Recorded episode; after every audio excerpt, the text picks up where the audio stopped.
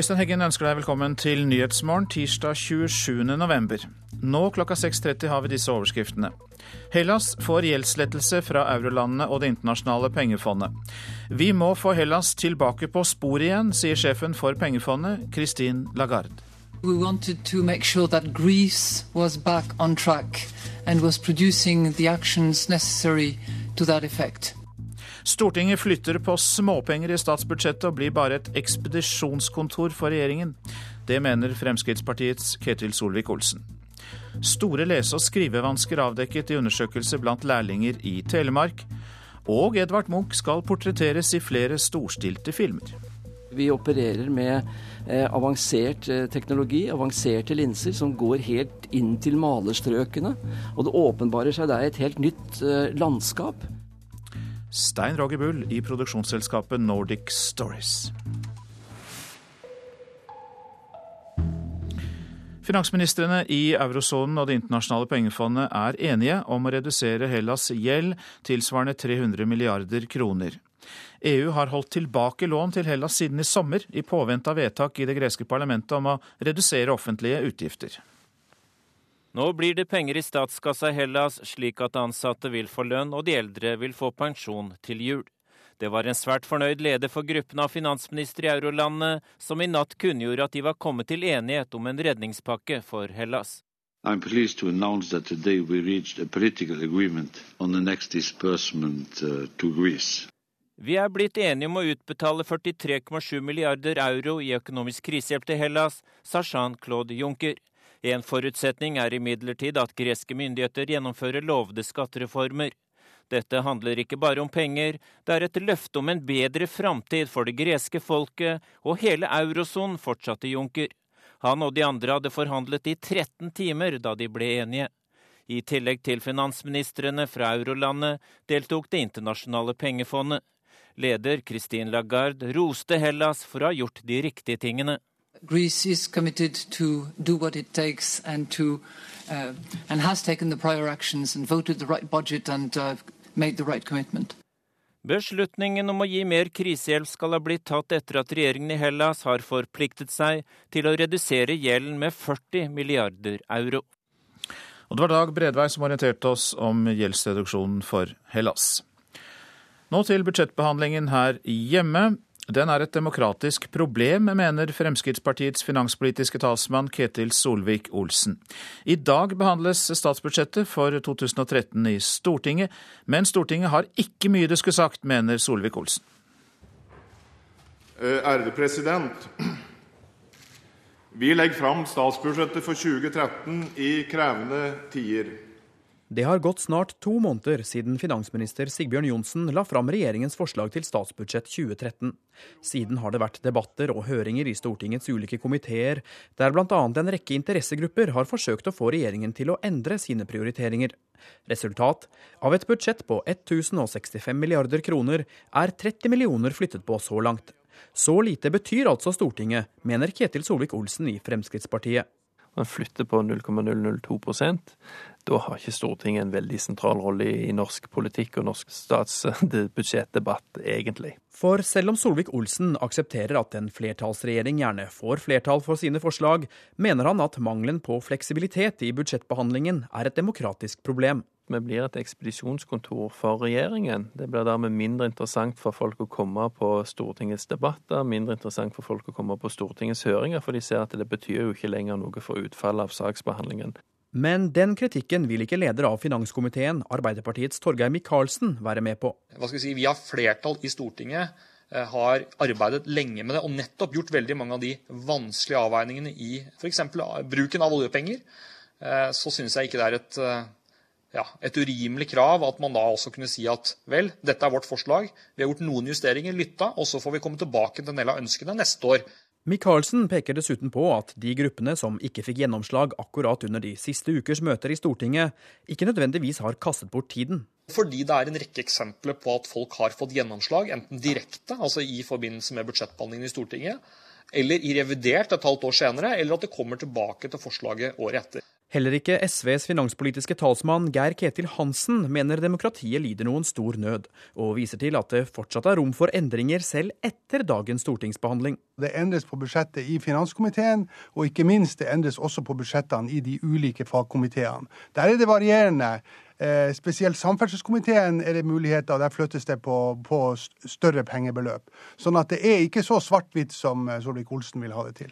Solvik-Olsen får altså ikke mye gehør hos regjeringspartiene for ønsket om et mer fleksibelt budsjettforslag, men han går til gjengjeld langt i å love at ting blir annerledes dersom han kommer i regjering etter valget neste år. Vi har opplevd hvordan det er å sitte i opposisjon til dagens regjering og sett hvordan eh, Stortinget har blitt stadig mer marginalisert. Og Hvis vi ikke har lært av det at vi må gjøre ting annerledes enn de rød-grønne, da har ikke vi lært mye i hele tatt. Men den lærerkraften, den har vi faktisk. FrPs Ketil Solvik-Olsen til reporter Halvard Norum. Lave strømpriser halverte driftsresultatet for de norske kraftselskapene fra 2010 til 2011. Tall fra bransjeorganisasjonen Energi Norge viser at norske kommuner og fylkeskommuner dermed får lavere inntekter fra kraftselskapene i årene som kommer. Det skriver Adresseavisen. Og det er forventet at strømprisene fortsatt vil holde seg på et lavt nivå. Opplæringskontoret i Telemark har kartlagt store lese- og skrivevansker hos lærlinger. Det er bekymringsfullt, sier daglig leder May-Lill Asperusten, som forteller at situasjonen er så ille at noen lærlinger ikke kan lese i det hele tatt. Det verste tilfellet vi har hatt, eh, var en som ikke kunne lese i det hele tatt. Eh, og det er jo faktisk farlig, for da kan du ikke engang klare å lese et oppslag på veggen, f.eks. en branninstruks. May-Lill Asprusten forteller at opplæringskontoret har kartlagt lærlingers lese- og skriveferdigheter, og resultatene gjør henne bekymra. Eh, vi kartla to årskull, og da fant vi vel 40 stykker som eh, vi oppdaga hadde store lese-, skrive- eller språkproblemer som vi ikke visste om på forhånd. I tillegg så kom jo alle de som har den typen problematikk, som vi visste om fra før.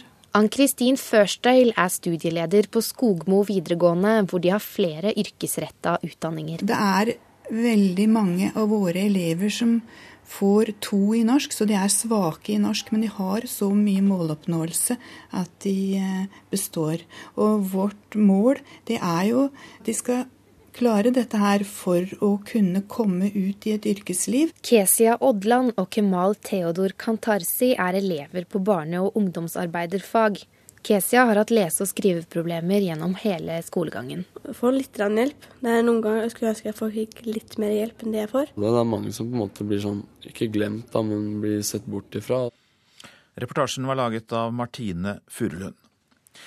Nå til Spania og valget i den autonome regionen Catalonia nordøst i landet. Søndag ga velgerne der flertallet i parlamentet til partier som ønsker uavhengighet fra Spania. Og førsteamanuensis ved Universitetet i Tromsø, Markus Buch, du kjenner Spania godt. og Hvilke følger kan det valget få? Det er først og fremst at prosjektet til statsministeren i Catalonia, Artur Mas, har fått seg et ordentlig slag for baugen. Dernest at eh, det nye parlamentet er mye mer fragmentert og polarisert enn det var før. Og til sist så har eh, fordelingen blant de partiene som ønsker uavhengighet, forskjøvet seg klart fra høyre til venstre. Så spørsmålet er nå det er hvordan skal Catalonia styres i de neste fire år. Men fører det til mer uavhengighet? Ikke i utgangspunktet. Eh, MAS kommer til å fortsette med prosjektet med å ha en folkeavstemning. Men vi må huske på det at det finnes også partier som går inn for en folkeavstemning, men ikke uavhengighet. Altså De mener folket skal høres, men de vil selv argumentere mot, bl.a. det katalanske SV. Hvor sterke følelser er i spill i Catalonia? Eh, dette er blandet sammen. altså Den ca. tredjedel i Catalonia som ønsker eh, sterkere grad av uavhengighet, og kanskje helt uavhengighet, er nå blitt forsterket av de som er misfornøyd med den økonomiske politikken. Eh, det store paradokset her er at en del av den økonomiske politikken er påført fra EU, men de som vil ha uavhengighet, de vil jo just at et eh, uavhengig Catalonia skal bli medlem i EU, og det er helt uklart. Men jeg har hatt et inntrykk av at regionene har fått en større rolle gjennom EU-samarbeidet på bekostning av nasjonalstaten. Stemmer ikke det? Jo da, det stemmer helt klart. Eh, men mye eh, vil ha mer. I Spania så har vi et mm. uttrykk som heter 'kaffe til alle'. Da desentraliseringen kom etter Franco-regimet, så eh, gikk de historiske regionene Galicia, Baskaland og Catalonia helt imot at alle regionene skulle få like stor makt. Det som de kalte kaffe til alle. Så de vil ha spesialbehandling. Men du, dette gjelder jo ikke bare Spania. Og hvilke andre områder er dette frigjørings-uavhengighetstemaet hett nå? Ja, Det er jo først og fremst i Skottland eh, når det gjelder Europa. Eh, og faktisk så kan eh, Spania sammenlignes med slik Storbritannia har utviklet seg over den senere tid, der vi har sett en betydelig desentralisering, selv om det for mange i Europa har nærmest gått hus forbi, også for en del briter. Og så er det et prinsipp til som er viktig å huske på. Det har vært mange folkeavstemninger opp gjennom tiden om ulike grader av selvstyre for regioner. Men etter flere forsøk i Quebec så er det fastslått internasjonalt med støtte i canadisk høyesterett at skal man ha slike eh, folkeavstemninger, så må det være klinkende klare alternativer. Altså enten full uavhengighet eller status quo. Og Dermed så har vi fått en situasjon der bordet banger. Gi meg et tips. Eh, hvilken region tror du blir eh, helt uavhengig først i Europa? Jeg tror ingen. Eh, det er på mange måter meningsløst å søke uavhengighet fra Spania f.eks., som er EU, for så å skulle melde seg inn i EU igjen. Det jeg tror kommer til å skje, er at vi får større grad av autonomi og selvstyre. Og kanskje Catalonia, også Skottland, vil få sterkere grad av det. Men helt uavhengighet er på mange måter, også blant skotske og katalanske nasjonalister, litt meningsløst. Takk for at du opplyste oss om dette, førsteamanuensis ved Universitetet i Tromsø, Markus Buch. Nå skal vi sjekke litt hva avisene skriver.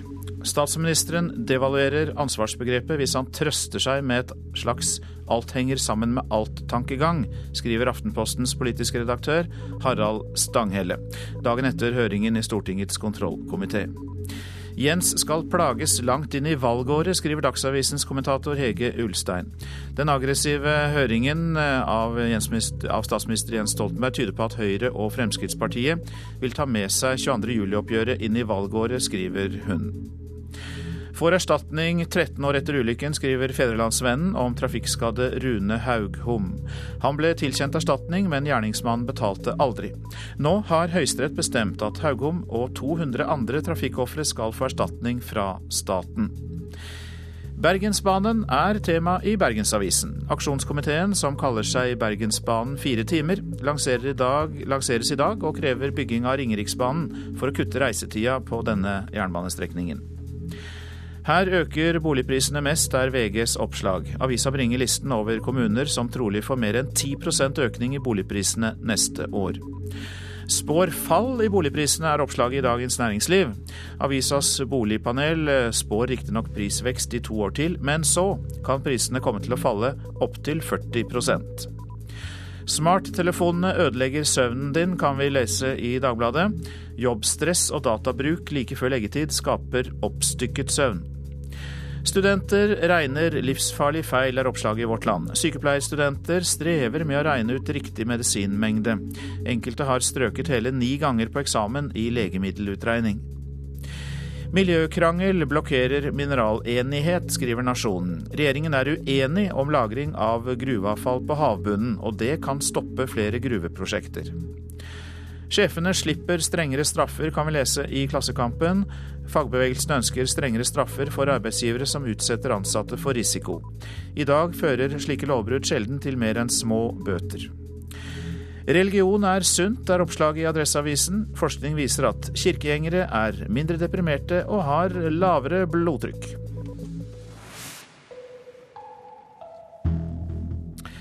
Kjetil Rekdal, ja han er tema nå, for han fikk i går kveld sparken som trener i Ålesunds fotballklubb. Det bestemte klubbens styre. Ålesund-spiller Jonathan Tollås er ikke overrasket. Nei, det var, uh, var trist å høre. Men uh, det kom jo på ingen måte som et stort sjokk på meg etter den turbulente tida i det siste. Rekdal har ledet Ålesund siden 2008 og har ledet klubben til to cupgull. Det har lenge vært en åpen konflikt mellom treneren og ledelsen, og Rekdal har tidligere uttalt at han har følt seg overkjørt. Han har også ment at klubbledelsen ikke har lagt til rette for de sportslige ambisjonene klubben har hatt.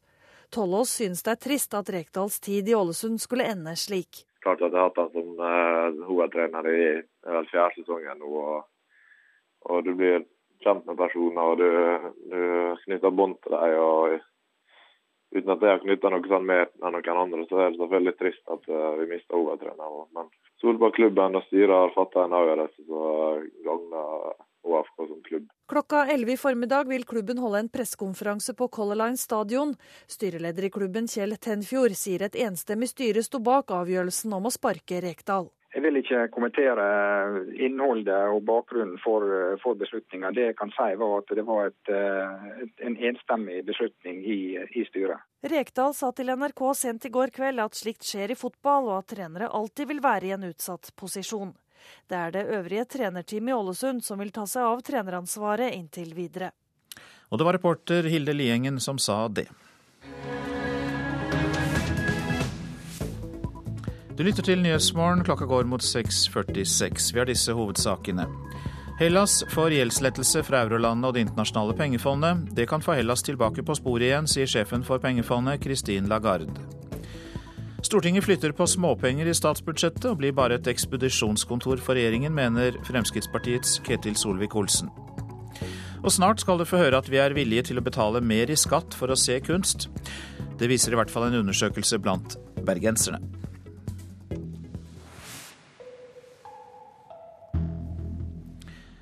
Gjennomsnittsmålinger har skremt råkjørerne i Tromsøysundtunnelen. Mange har omkommet i trafikkulykker i denne tunnelen, men så kom gjennomsnittsmålingene. Da satte bilistene ned farten. Ja, jeg vil ikke si direkte rett som det var, men litt, litt for mye. Ofte at jeg hadde de Sputnikene som fløy forbi meg nede i tunnelen, bare så de Altså det, det lynte den litt ned igjennom. Så hvis jeg sjøl holdt en 70-80, så kan jeg Jeg vil ikke si det doble, men jaggu hadde den farta. Altså det, var, det var liksom at jeg skvatt med det samme den fløy forbi. Drosjesjåfør Roald Kvande er en av dem som hver dag kjører gjennom Tromsøysundtunnelen i Tromsø. Den var en av landets mest ulykkesutsatte tunneler før gjennomsnittsmåling kom på plass. Det er jo tørt og fint og tofelt i hver retning, og det innbyr jo selvfølgelig til litt fart. Så, så det hadde vi på en måte kanskje regna med at det skulle bli en del overtredelser, men det har vært en del ulykker også, som er mer enn vi hadde forventa. På kontoret i politihuset i Tromsø sitter politioverbetjent Hans Otto Salamonsen. Foran han ligger papiret som forteller at gjennomsnittsfarta i tunnelen har sunket med 10% etter at gjennomsnittsmålinga ble installert. Ja, Det er jo kanskje mer enn jeg hadde trodd, egentlig. Og ja, vi er veldig godt overraska og positivt overraska over resultatet. Men er folk mer redd for bøter enn for å miste livet? Jeg tror nok mange er mer opptatt av hva det koster å bli tatt for å kjøre for fort, enn det faktiske risikoen i trafikken. ja. Så det er jo litt synd det, da, men det tror jeg er et faktum. Lavere hastighet betyr bedre trygghet for sjåførene, mener Salamonsen. Og nå ser resten av landet mot Tromsø og effekten som målingene har hatt i tunnelen. Vi samarbeider med Statens vegvesen, og de eh, høster jo erfaringer over hele landet. Siden vi var først i tunnelen, så har de sett mye til oss. Og jeg tror de er kjempegodt fornøyd i Statens vegvesen også med det som har skjedd her. Med så lite råkjøring som man har opplevd etter målingen begynte, så, så vil jeg påstå at vi er, vi, vi er tryggere. Vi er tryggere iallfall i tunnelen. Det mente drosjesjåfør Roald Kvande, og reporter i Tromsø var Simen Follesø Røiseland. I Rogaland ender flere mobbesaker i skolen i konfliktrådet. Men det kan føre til verre mobbing, frykter professor Erling Roland ved Universitetet i Stavanger. Han mener nemlig at konfliktrådene bør brukes til konflikter, ikke når det er snakk om overgrep. Det var ei jente i åttende klasse som uh, hadde blitt mobba og frøs ut uh, over tid av to andre jenter i den samme klassen der. Det er jo en sånn klassisk mobbehistorie, da. I dette tilfellet var det skolen som tok affære, og prøvde å løse det ved hjelp av mekling. Disse her to jentene som gjør dette her, det er de to stjernene i klassen. De snakker læreren trill rundt. Og enden på visa det blir egentlig at denne jenta som helt opplagt er utsatt for mobbing, hun får nederlaget og hun får skylda. Den statlige institusjonen Konfliktrådet får nå stadig flere mobbesaker å ordne opp i. Det foregår ved godt forberedte stormøter der både mobber, offer, foreldre, gjerne skole og eller politi er med, sammen med Konfliktrådet sin egen saksbehandler. Men dette mener professor Erling Roland ved Senter for atferdsforskning i Stavanger er en farlig trend. Megling det bruker når det er snakk om en konflikt, og dette er ikke en konflikt, men det er et overgrep. I en sånn type sak så er det ikke snakk om noe forhandling hvor eh, mobbeofferet skal påta seg noe skyld oppi dette. Her er det en mulighet for begge parter til å utveksle forståelse av hva, hva som har skjedd. En har foreldre til stede som også får høre. Så vi sitter med en veldig god erfaring eh, på dette som tilsier at dette er en god måte å få løst dette på. Og overgriperen er vanligvis ikke særlig høy i hatten når vedkommende er til stede på stormøte i regi av konfliktrådet, sier leder i konfliktrådet i Sør-Rogaland, Anne Lea. Det å sitte rett overfor den som faktisk har blitt utsatt for dette, og vedkommende forteller hva det har gjort, så går det ofte mye mer inn på den som har gjort dette, istedenfor at en snakker med de forskjellige enkeltvis. Erling Roland ved Senter for atferdsforskning mener han taler på vegne av både Utdanningsdirektoratet og internasjonal forskning når han hevder mobberen skal få klar beskjed om å slutte, og ikke får mulighet til å rettferdiggjøre sine handlinger. Det kan påføre mobbeofferet skyldfølelse og skam.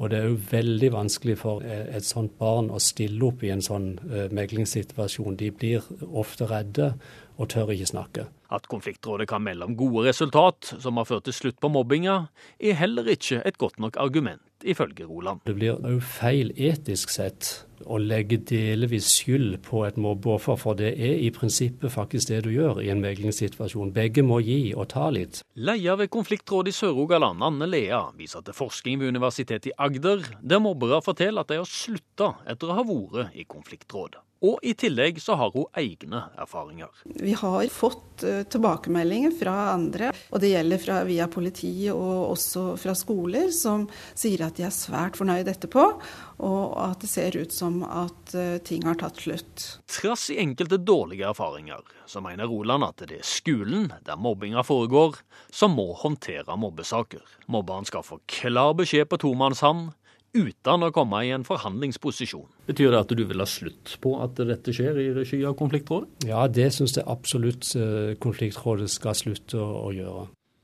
Det var en tydelig melding fra professor Erling Roland, Senter for atferdsforskning ved Universitetet i Stavanger. Reporter Ingvald Nordmark.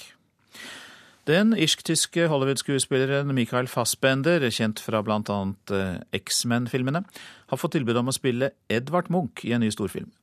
Den engelskspråklige storfilmen Spillefilmen er bare én av flere som lanseres i forbindelse med Munchs 150-årsjubileum. Den tyske produsenten satser på å presentere en stjernespekket rolleliste over nyttår. The intention is to make an international movie, uh, English um, script, and uh, we want an A star, an A cast for Munch. Det skal bli en internasjonal storfilm med engelsk manus og skuespillere fra A-laget, sier Jens Carl Ehlers.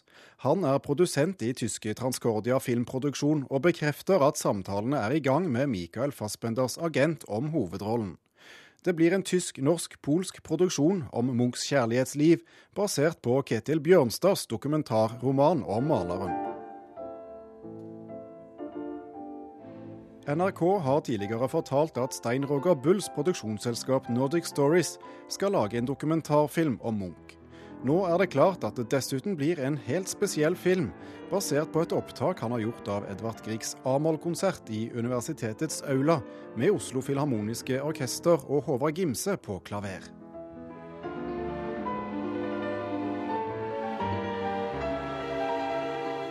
Og der er jo eh, orkester og solist omgitt av Munchs bilder. Eh, og ikke minst så er det solen som stråler utover eh, orkesteret. Og da fikk jeg ideen til, når vi nå nærmet oss Munch-året, til å lage en, en, film som tok utgangspunkt i solen. Og som da tok utgangspunkt i disse to kunstnerne som begge aldri ble fornøyd med det de hadde laget. Filmen lages i første rekke for et internasjonalt publikum, og skal bl.a. vises på den fransk-tyske TV-kanalen Arte, men blir nok også å se på norske TV-skjermer. Det blir en opplevelse av Munchs bilder man selv ikke kan få på museum, sier Bull. Vi opererer med eh, avansert eh, teknologi, avanserte linser, som går helt inn til malerstrøkene. Og det åpenbarer seg der et helt nytt eh, landskap. Det er helt fantastisk. Vi har gjort noen tester. Det er en helt fantastisk opplevelse å se hvordan eh, når man kommer inn til hvordan eh, Munch malte, at du får en helt ny opplevelse av kunstneren.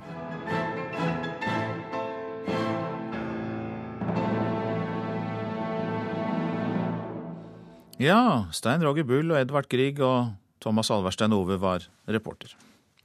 Hvor mye vil vi betale i skatt for å se på kunst? Det har aldri før vært undersøkt, men nå har Bergen kunstmuseum fått tall på bordet som viser at i hvert fall bergenserne er villige til å betale for kunst. Ikke rundt 100? To, 200 kanskje. 500 kroner, jeg vet ikke. Hvor mye ville du være villig til å betale i øremerka skatt per år til ditt regionale kunstmuseum? Det var spørsmålet.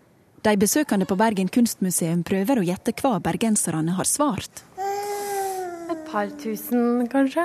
Jeg ville gjette kanskje 100-150. Jeg, jeg tror ikke de ville ha sagt så mye. Ingenting. Ingenting mer? Nei, de vil ikke ha høyere skatter. Den gjennomsnittlige betalingsviljen i Bergen er 143 kroner, så den er ganske høy. Masterstudenten Siri Høybo fra Norges handelshøgskole står bak undersøkinga og det er første gang en slik økonomisk målemetode er brukt for et kunstmuseum i Norge. Jeg var ute etter å finne ut en eh, økonomisk verdi på eh, denne viktige og verdifulle kunsten som alle snakker om. Hun tror slike målinger sjelden blir gjort fordi kulturbransjen kvir seg for å måle statusen sin. De kan nok være redd for eh, resultatet og måtte legitimere seg på en økonomisk måte. Hadde man hatt et større materiale, så kunne det både vært til, til gavn for kulturlivet, men selvfølgelig også man kunne straffes for dette. Erlend Høyersten er direktør for Bergen kunstmuseum. Tallene som han nå har fått på bordet, viser at de som bruker museet aktivt, vil sette av 212 kroner av skatten sin per år. Høyersten er mest forbausa over at de som ikke bruker museet, faktisk vil sette av 104 kroner likevel at betalingsviljen blant mennesker som ikke bruker museet, er såpass stor. Det sier noe om eh, hvordan man ser på kulturinstitusjoner. Fordi dette er jo også et viktig politisk signal. På dette punktet blir tallmaterialet mer utfordrende for Bergen kunstmuseum. Selv om bergenserne gjerne vil betale for å opprettholde museet, viser undersøkinga at beløpet de vil gi til sammen bare utgjør halvparten av de drøye 30 millionene med skattekroner som museet får i dag. Dersom publikum hadde hatt en enda større forståelse for alt det vi gjør, ikke bare det de ser, men alt det vi gjør, så kanskje også den betalingsviljen ville endret seg. Og Det er også en tankekors for oss. Hvordan kommer vi tydeligere ut med dette? Og fremover så vil det jo være veldig spennende om vi greier å påvirke folks forståelse av hva vi faktisk holder på med, slik at betalingsviljen også blir høyere. Reporter Turid Rogne. Hør Kulturhuset hva skjer når skuespillere radbrekker samtlige av Shakespeares stykker og har som mål å vise sin egen utilstrekkelighet på scenen? Forestillingen Absolutt Shakespeare er en og en halv time reinspikket tullball med en stor dose respekt og kjærlighet til mesteren i bånn. Hør på Kulturhuset i dag klokken 14 på P2. Men været er ikke tullball, det er veldig konkret. Langfjella, liten kuling utsatte steder sør for Finse, i kveld minkende. I øst litt snø, ellers stort sett opphold. Fjell i Sør-Norge unntatt Langfjella. Stiv kuling utsatte steder i nord. Litt snø av og til i sør, ellers skyet, delvis skyet oppholdsvær. Østland og Telemark. På kysten liten og periodevis stiv kuling. Snø, sludd ved kysten. Lite nedbør nord for Mjøsa. Agder øst for eh, Oksøy liten og periodevis stiv kuling. Litt sludd og regn. Snø i indre strøk av Agder. Lite nedbør i vestlige deler, riktignok. Rogaland, der er meldingen kort, stort sett oppholdsvær. Hordaland også oppholdsvær. Utover dagen eh, lettere skydekke, særlig i ytre strøk. Sogn og Fjordane og Møre og Romsdal også oppholdsvær, og etter hvert eh, stort sett pent vær. Trøndelag får sørøst stiv kuling på kysten utsatte steder. Utrygt for litt snø i grensestrøkene. For øvrig opphold og til dels pent vær i Trøndelag. Så tar vi Nordland. Sør for Bodø av og til liten kuling utsatte steder. Til dels pent vær. Troms delvis skyet opphold. Kyst- og fjordstrøkene i Vest-Finnmark delvis skyet oppholdsvær. Finnmarksvidda spredt snø. Øst-Finnmark delvis skyet, stort sett oppholdsvær. Nordensjøland på Spitsbergen. Sørøstlig liten kuling utsatte steder. I øst litt snø. Ellers stort sett opphold. Noen temperaturer. Svalbard minus fem, Kirkenes minus sju, Varde minus to, Alta null, Tromsø minus to, Bodø én, Brønnøysund fire, Trondheim minus én, Molde minus én, Bergen pluss to, Stavanger fem, Kristiansand tre, Gardermoen null, Lillehammer minus én, Røros minus to og Oslo Blindern hadde pluss én.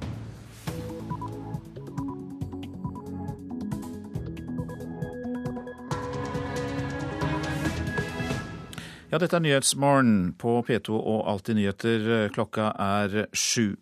Vi har denne nyhetsoppdateringen.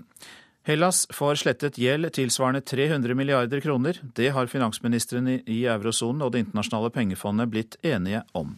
Nå blir det penger i statskassa i Hellas, slik at ansatte vil få lønn og de eldre vil få pensjon til jul. Stadig flere ungdommer blir rekruttert inn som støttegrupper til kriminelle MC-gjenger, mener Kripos. Dette er ungdom som fra før av er dømt for vold, narkotika og trusler. Men det er tull, sier en talsmann for Hells Angels. Det er bare tull og tøys. Rune Olsgaard. Nordmenn har stor vilje til å betale ned gjeld, viser nye tall. Reserven av grunnstoffet thorium på Fensfeltet i Telemark er verdt 100 ganger mer enn all olje og gass i Norge. Det åpner helt nye muligheter. Og Troms har vunnet kampen om nordlysturistene.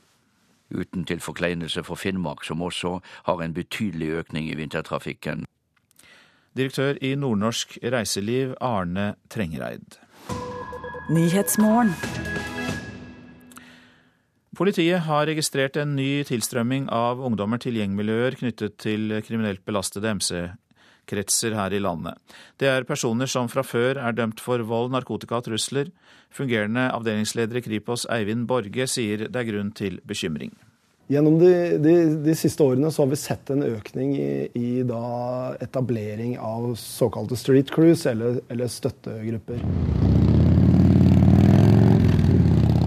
Menn i svarte skinnvester på tunge motorsykler. På ryggen er det velkjente dødningehodet med englevinge. De er på vei til Hells Angels Trondheim sitt 20-årsjubileum i sommer. Blant vaktene på festen er unge gutter i T-skjorter med ordet 'crew' og tallet 81, som viser at de jobber for MC-klubben. Det er støttegrupper som dette som politiet mener står for en stor del av ulovlighetene som knytter seg til de kriminelt belasta MC-miljøene. En ringerunde NRK har gjort til en rekke politidistrikt, viser at mange ser en ny tilstrømming til ulike supportgrupper. Fellestrekket er tydelig. De som rekrutteres, har lange kriminelle rulleblad. Mange av de som er eh, interessert i eh, å la seg rekruttere, har eh, en kriminell bakgrunn og finner likesinnede i disse miljøene. Sier Kjell Kristian Ukkelberg i Hedmark politidistrikt. Det samme mener Leif Vagle i Agder-politiet. Det, er det som er eh, bekymringen her, det er jo det at de knytter til seg unge kriminelle som får en status innenfor et sånt miljø, og en tilhørighet innenfor et sånt miljø, som skaper et sånt sterkt broderskap. Og de knytter også til seg yngre. Og Torje Arneson i Vestfold. Nei, Det er jo sterkt eh, kriminelt belasta personer eh, som er dumt dømt for eh, dels ganske alvorlig kriminalitet. Politiet kan ikke si hvor stor økningen er, men basert på straffesaker de siste årene, er ikke Kripos i tvil om at det er en oppblomstring av unge personer som knyttes til de ulike belasta MC-gjengene. Vi, vi, har sett en klar tendens til en, en, en utvikling i forhold til at uh, avdelingene, de fullverdige avdelingene i Norge nå oppretter støtteklubber og såkalte street crews uh, knytta til, til seg. Uh, og dette er jo en, uh, dette er miljøer som da støtter opp under uh, både driften av klubbene, men også selvfølgelig kriminaliteten innenfor klubbene og, og, medlemmene i klubbene. Leder av seksjon for organisert kriminalitet i Rogaland, Bjørn Vidar Bollestad, sier de har sett at disse personene raskt klatrer i klubbsystemene. Det er en del av disse ungdommene som da begynte i crew, etter hvert har blitt tatt opp på laveste eh, nivå i eh, klubbene. Det er jo spesielt Hells Angels da, som vi ser har tatt opp, en, eh, opp flere stykk som såkalte hangaround. Men talsmann for Hells Angels Rune Olsgaard mener det er tull at deres såkalte supportgrupper driver med kriminalitet. Det er bare tull og tøys. Er, vi har hatt masse folk rundt oss i alle år, vi som har hjulpet til på fester og arrangement og kanskje sjåførhjelp og sånne ting når vi har hatt besøk. og De er der for å støtte oss og hjelpe oss med arrangement og være en del av det fellesskapet som vi har. Reporter her, det var Ellen Borge Christoffersen. Nå til deg, Reidun Hobbesland. Du er teamleder for det som kalles kognitive programmer ved Stavne arbeids- og kompetanse i Trondheim. Jobber med forebygging og mestring av sinne, og et prosjekt som er aktuelt for oss nå, som skal hindre at unge kriminelle menn blir rekruttert til Hells Angels. Det har dere klart. Og hva slags kriminell bakgrunn hadde de som dere har klart å stanse?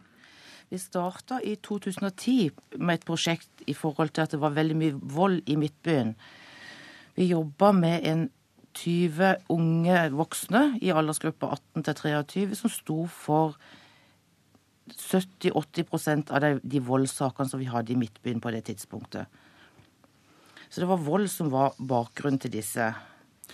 Hvorfor, hvordan klarte dere å forhindre at de havnet i Hells Angels?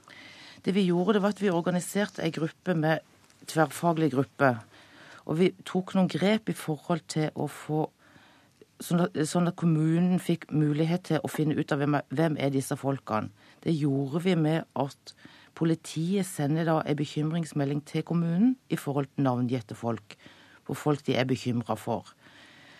Det vil si at kommunen da har muligheten til å finne ut hvem de er, og kom, eh, tilby den hjelpa som kommunen kan tilby. Og Dere hjalp også familiene? Vi hjalp også familiene fordi at vi tenker at en del av disse unge mennene de hadde også en finansieringsansvar overfor familien sin. Og en del av familien levde under fattigdomsgrensa. Dvs. Si at vi må inn og hjelpe hele familien for å kunne hjelpe den unge voksne som er i belasta miljøet. Dette var altså da i Trondheim at dere fikk til det her. Hvilket råd vil du gi til andre kommuner? Jeg vil gi dem det rådet å organisere et tverrfaglig og tverretatlig gruppe for å jobbe tett opp imot den enkelte. Både for å forhindre at vold skjer, men også for å hjelpe disse unge voksne ut av det miljøet de er på vei inn i. Og da tenker jeg at vi må tenke bredt og tverrfaglig og tverretatlig for å fange disse her opp. Og så må man gå inn med hele det kommunale støtteapparatet. Både i forhold til den unge voksne, men også i forhold til familien. Du har møtt disse. Hvorfor var de tiltrukket av Hells Angels? Det er klart at de her guttene her, de var veldig flinke til å slåss. Og de har, hadde et behov for å bli sett, de har et behov for å bli anerkjent på det de er gode på, og det fikk de av Hells Angels, blant andre. Flinke til å slåss og behov for å bli sett, det kan være en litt skummel cocktail. Hvilke følger ville det kunne fått for disse ungdommene hvis de hadde fortsatt å være knyttet til Hells Angels? Altså Det å komme inn i Hells Angels er nå én sak, men det å komme ut igjen er nesten helt umulig. Sånn at Hvis du først har kommet inn, så starter du da en kriminell karriere som er veldig vanskelig å komme seg ut av. Vi har jo stort sett snakket om dette som unge menn. Har det i det hele tatt vært noen jenter involvert i dette? Ikke dette arbeidet med de voldsgjengangerne som vi har jobba med. Men det er klart at politiet har en del, og kommunen også har en del unge jenter man er bekymra for, som er i faresonen for å bli eh, ikke rekruttert inn i disse klubbene, men som er en del av skyggeapparatet rundt. Takk skal du ha for denne orienteringen, Reidun Hobbesland. Du har altså jobbet med et prosjekt i Trondheim som har hindret at unge kriminelle menn er blitt rekruttert til Hells Angels.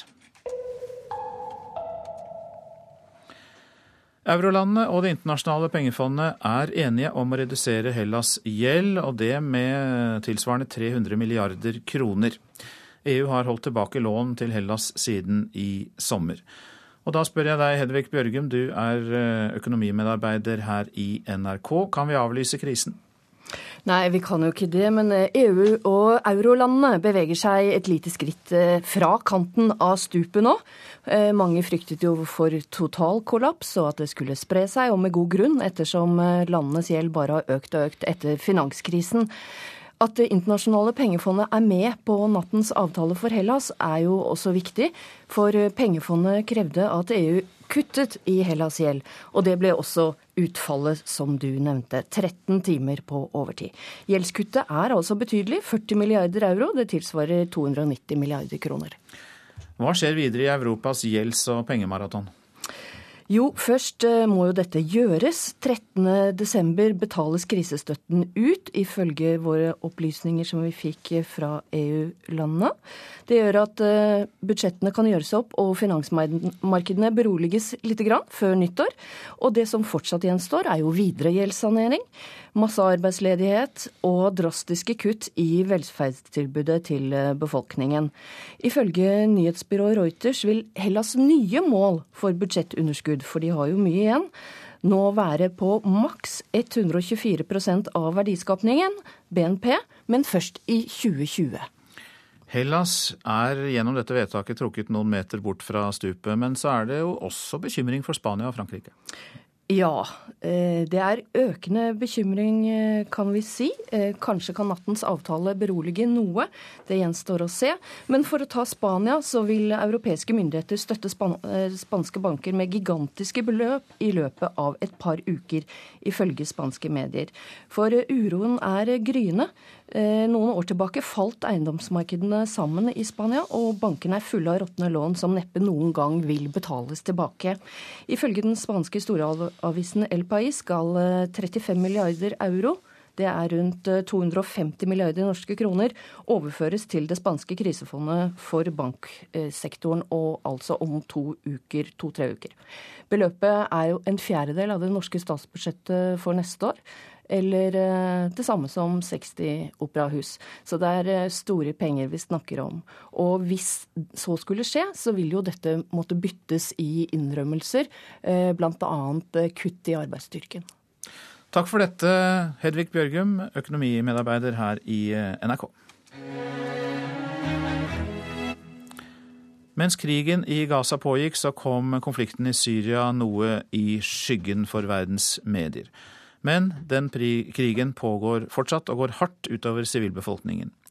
Leger uten grenser har et sykehus ikke så langt unna storbyen Aleppo, og det er eh, en bygning der som er gjort om til sykehus, da riktignok. Morten Rostrup, du er i Leger uten grenser, du jobber på dette sykehuset, og vi kan av sikkerhetsgrunner ikke angi hvor det er mer nøyaktig enn det vi har gjort. Hvordan driver dere det? Ja, vi har jo bygget opp uh, dette sykehuset nå. Vi har gjort om andre bygninger til en operasjonssal bl.a. og til uh, sengeavdelinger, slik at vi kan uh, behandle både kirurgiske og medisinske pasienter. Og Vi gjør også en del konstruksjonsarbeid for å få dette til å fungere. Men vi holder jo, som du sier, en veldig lav profil fordi det har vært systematisk angrep mot sykehus i denne krigen. Hvilke pasienter kommer til dere? Ja, Det er forskjellige typer pasienter. Vi får eh, noen akutte kirurgiske pasienter. Det har vært en del skuddskader. Og også eh, forskjellige løse gjenstander som treffer, eh, treffer folk under bombeangrep. I tillegg så har vi veldig mange fødende kvinner og mange som trenger keisersnitt. Og vi har også pasienter med, med indremedisinske lidelser, slik som hjerteinfarkt og vann som hoper seg opp i lungene f.eks., og mange ulike infeksjoner. Norske myndigheter fordømte jo i går regimets bruk av klasevåpen, og det rammer jo mange sivile. Hvordan ser du effekten av klasevåpen? Ja, vi har ikke, Her hvor jeg befinner meg, så har vi ikke sett noen ofre for klasebomber. Men jeg har jo sett dette tidligere, bl.a. i Afghanistan. Og et av problemene med klasebomber er jo at en del eh, av disse små bombene blir liggende igjen eh, uten å være detonerte og eh, kan faktisk gjøre skade en god stund etterpå. Og eh, Vi har også sett tidligere at eh, spesielt barn som plukker opp disse, disse små, små, bombene, de, de, kan veldig lett bli skadet. Dere har altså gjort om en bygning til et sykehus og driver dette så anonymt som mulig for å ikke bli rammet. Hvordan er arbeidsforholdene for dere i Leger uten grenser nå? Jo, det er Vi klarer for så vidt dette, men vi skulle jo gjerne ha økt kapasiteten eh, enda mer. Og eh, det er jo en eh, stor innsats som gjøres av syriske kirurger veldig nær opp til frontlinjen. Og de er jo utsatt for spesielt vanskelige forhold. Det, det, som trengs delvis, er jo også mulighet for å drive mer avansert kan du si, annenhåndskirurgi eh, av de som allerede er blitt skadet og blitt primært operert. Eh, vi ser en del av disse kompliserte tilfellene hos oss. Mange takk skal du ha for at du var med oss fra Syria, Morten Rostrup i Leger uten grenser.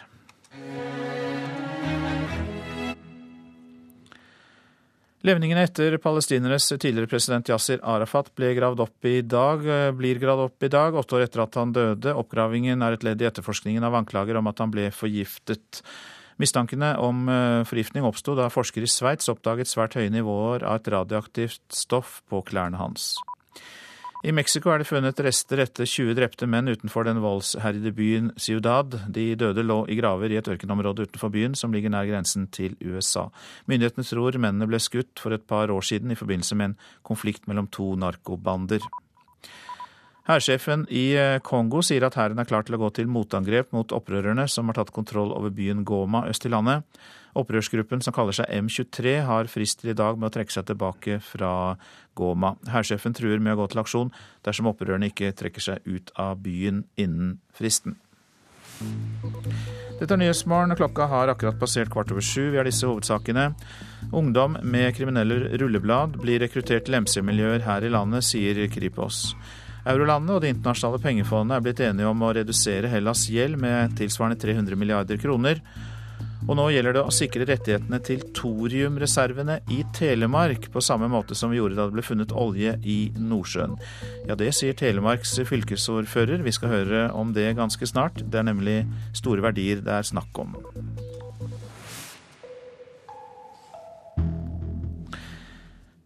Her i Norge så har vi det stadig, stadig, bedre økonomisk. Vi tjener godt, har god økonomi. Det viser forventningsbarometeret for fjerde kvartal. Og ikke nok med det, vi er til og med fornuftige. Nordmenns vilje til å nedbetale gjeld er stor, og så vil vi spare penger. Og eh, det gjenspeiler seg i en rundspørring NRK har gjort på gata.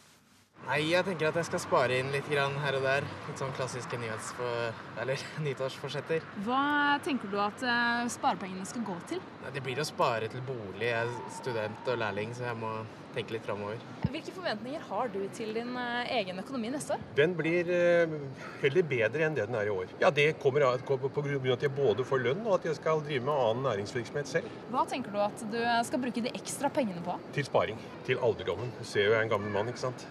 Den regner jeg med kommer til å holde, holde, bra, sånn som i år. For du, jeg Kan du fortelle litt om, om, årets, eh, hvordan økonomien din er nå? Nei, Det har vært bra. Jeg har jo statspensjon, så jeg er jo blant de heldige der. Er du flink til å spare, eller? Ja, i grunnen så har jeg vel vært flink til det bestandig. Reporter her, Astrid Helene Holm. Velkommen til deg, Idar Kreutzer. Takk for det. Du er administrerende direktør i Finansnæringens Fellesorganisasjon. Og vi skal snakke om ja, jeg fikk, Da jeg nettopp hørte om Syria, så fikk jeg tanker om hvor vanvittig heldige vi er her med den økonomien dere beskriver i dette forventningsbarometeret. Ja, det er mange som kaller Norge annerledeslandet. Det bekreftes jo i de tallene som vi eh, nå skal sitte og se litt på. Det gjør det virkelig, fordi eh, som vi hørte her, denne viljen til å betale gjeld, og i tillegg til en tro, framtidstro. Um, men hva bør de, bare for å ta det først, hva skal de unge gjøre når eh, boligprisene er rekordhøye? Da hjelper det jo ikke å spare. Ja, altså vi, ser, eh, vi har sett en stund nå at boligprisene har eh, steget, og særlig i pressområdene. Ehm, det er også relativt høye krav til egenkapital for å komme inn på markedet. Ehm, når vi spør, så ser vi at eh, i pressområdene så er det svært mange unge som får hjelp av sine foreldre. Problemet oppstår jo for de som ikke har foreldre som kan hjelpe til, og de blir i stor grad henvist til leiemarkedet. Hva er ditt råd til folk som da har blitt nødt til å ta opp høye boliglån? Nei, Det vi nå ser i denne undersøkelsen samsvarer godt med de rådene som er kommet både fra finansnæringen og fra myndighetene. Eh, det er lav arbeidsledighet i Norge, relativt høy lønnsvekst, og folk eh, i henhold til denne undersøkelsen forventer fortsatt stigning i inntekten neste år. Rådet er helt klart eh, bruk økt økonomisk handlefrihet til å nedbetale på lån det øker robustheten i forhold til eh, mulig økning i renten eller eventuelt eh, bevegelser i boligprisene. Hvordan skal vi motivere oss til å eh, bygge opp økonomiske buffere? Hva er smart å tenke på der? Nei, altså, Veldig mange av oss har jo et, har jo et lån. Uh, og når vi merker at den økonomiske handlefriheten uh, øker, det da å øke nedbetalingstakten på lånet er klokt. Det øker bufferne og øker robustheten, øker fleksibiliteten. Vi ser også generelt at spareraten i Norge har økt de siste årene. Og både denne undersøkelsen og prognosene fra Statistisk sentralbyrå viser at eh, vi forventer at spareraten fortsetter å holde seg høy. Eh, det dette forteller oss, er at til tross for at Norge er eh, annerledeslandet, eh, og, og, hvis jeg kan få lov å si det, forskjellene mellom Norge og eh, Europa øker i denne undersøkelsen. Til tross for det så ser vi at nordmenn holder bena på, på bakken eh, og disponerer tilsynelatende fornuftig. Og Det som er interessant med denne undersøkelsen, det er at den ikke bare ser på hva som har skjedd. Eh, denne gir oss en indikasjon på hva som kommer til å skje, hva forbrukeren har tenkt å gjøre. Og, nettopp det sterke signalet som her kommer, eh, at man har tenkt å bruke økt økonomisk handlefrihet til å nedbetale gjeld, er et signal som vil glede myndighetene og gleder også i finansnæringen. Der setter du meg på noe, fordi jeg leste i Dagens Næringsliv i dag eh, boligpanelet der som spår en eh, nedgang i boligprisene. Riktignok ikke med en gang, men om et par års tid. Hvordan kan det virke inn? Nei, altså Først når det gjelder, når det gjelder boligprisene, så, så, har vi sett en ganske kraftig økning i boligprisene, eh, særlig i pressområdene. Og når vi går inn og analyserer de tallene, så er det ikke noe tvil om at det er for lite bygging av nye boliger som er viktigste årsak til, til den utviklingen. Mm.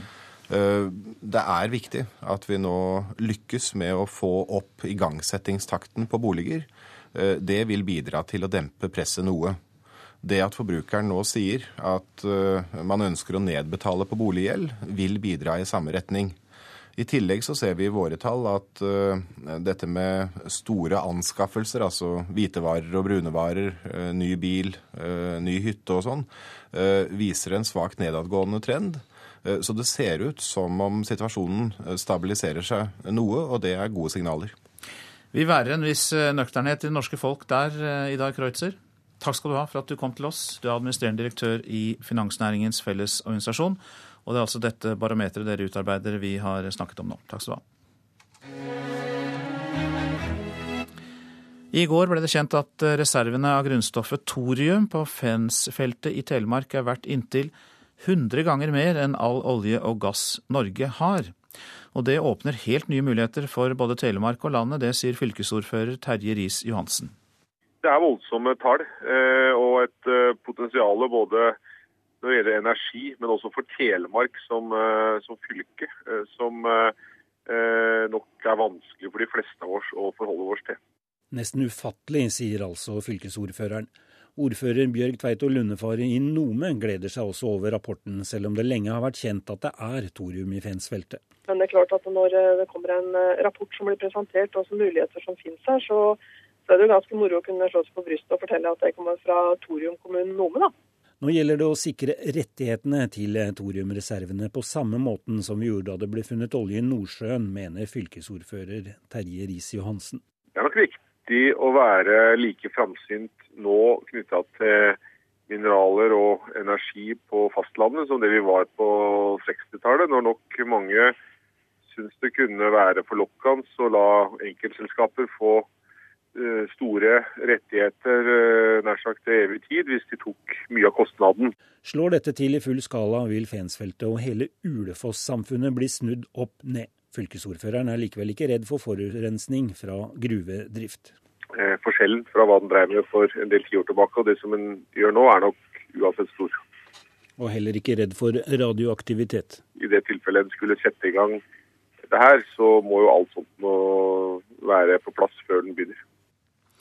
Og reporter her, det var Roald Marker. Så til det avisene skriver.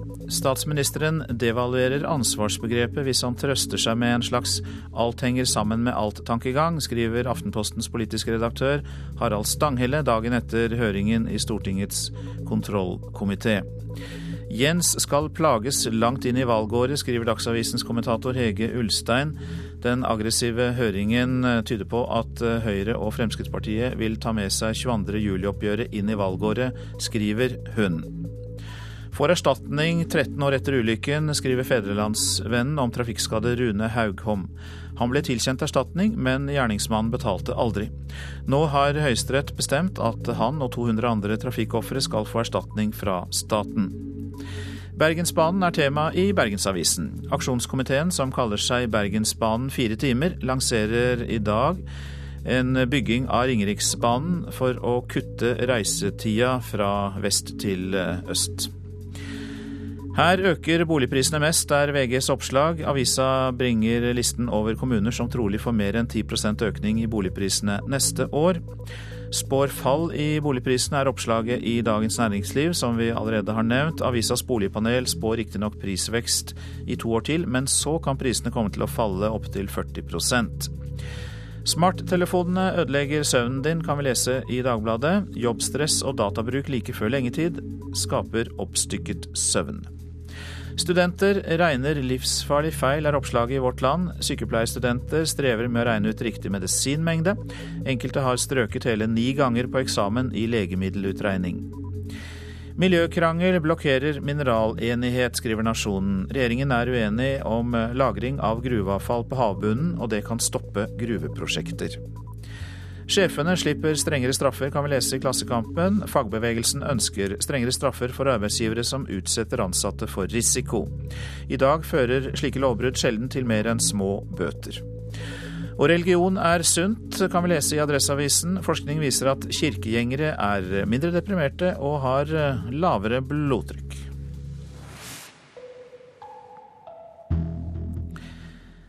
Kirkenes og Tromsø er anbefalt som årets store reisemål av det amerikanske nyhetsselskapet CNN. Årsaken er nordlyset. Interessen for dette spektakulære himmelfenomenet har økt sterkt i utlandet. Men tallene så langt tyder på at det er Troms som har vunnet kampen om nordlysturistene. I Finnmark er det få ledige flyseter, og det er mye færre bonusopplevelser i form av kultur og shopping, mener folk i næringen. Hele Nord-Norge er jo eh, en attraksjon når det gjelder nordlysturisme, selv om tallenes tale er veldig klar. Til nå er det jo spesielt Tromsø og Tromsø-regionen som har de høyeste veksttallene. Sier direktør i Nordnorsk Reiseliv Arne Trengereid uten til forkleinelse for Finnmark, som også har en betydelig økning i vintertrafikken, og da nordlysturismen, som en del av vinteropplevelsene i Finnmark. Britene er blant de som i hopetall trekker nordover på vinteren. Antall briter som sov i Finnmarks hotellsenger fra oktober i fjor til april i år, økte med over 70% fra vintersesongen før, viser tall fra Statistisk sentralbyrå. NHO Reiseliv antar at de fleste som kommer som turister, kommer pga. nordlyset. Men langt flere kommer til Tromsø alene enn hele Finnmark. Det kan bl.a. skyldes mangel på ledige flyseter til Finnmark, tror Trengereid. Jeg tror nok det har sammenheng med at Tromsø har jobbet bevisst innenfor dette markedet i mange år.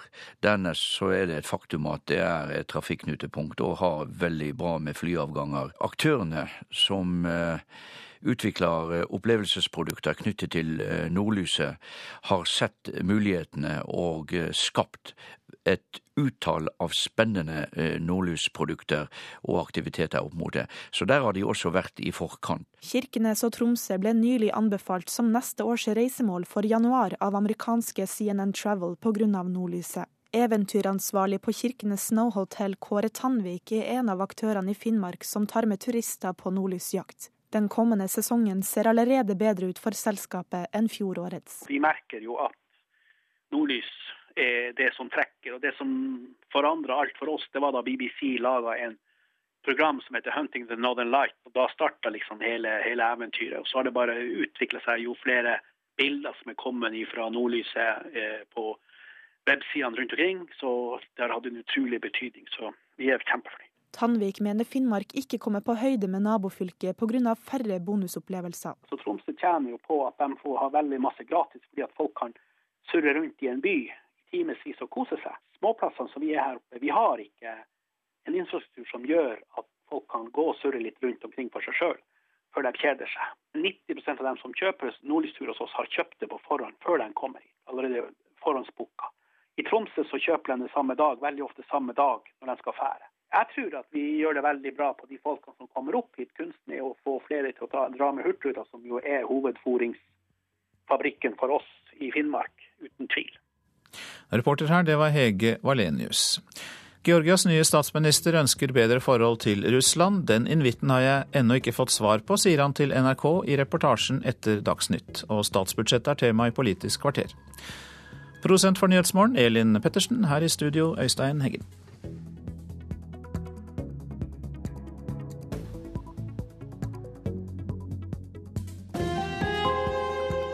Hør ekko.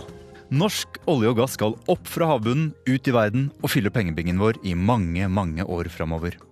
Samtidig skal verdens CO2-utslipp ned, og det er fort. Er det mulig å få til begge deler på én gang? spør vi oljeminister Ola Borten Moe. Ekko 9 11 i NRK P2.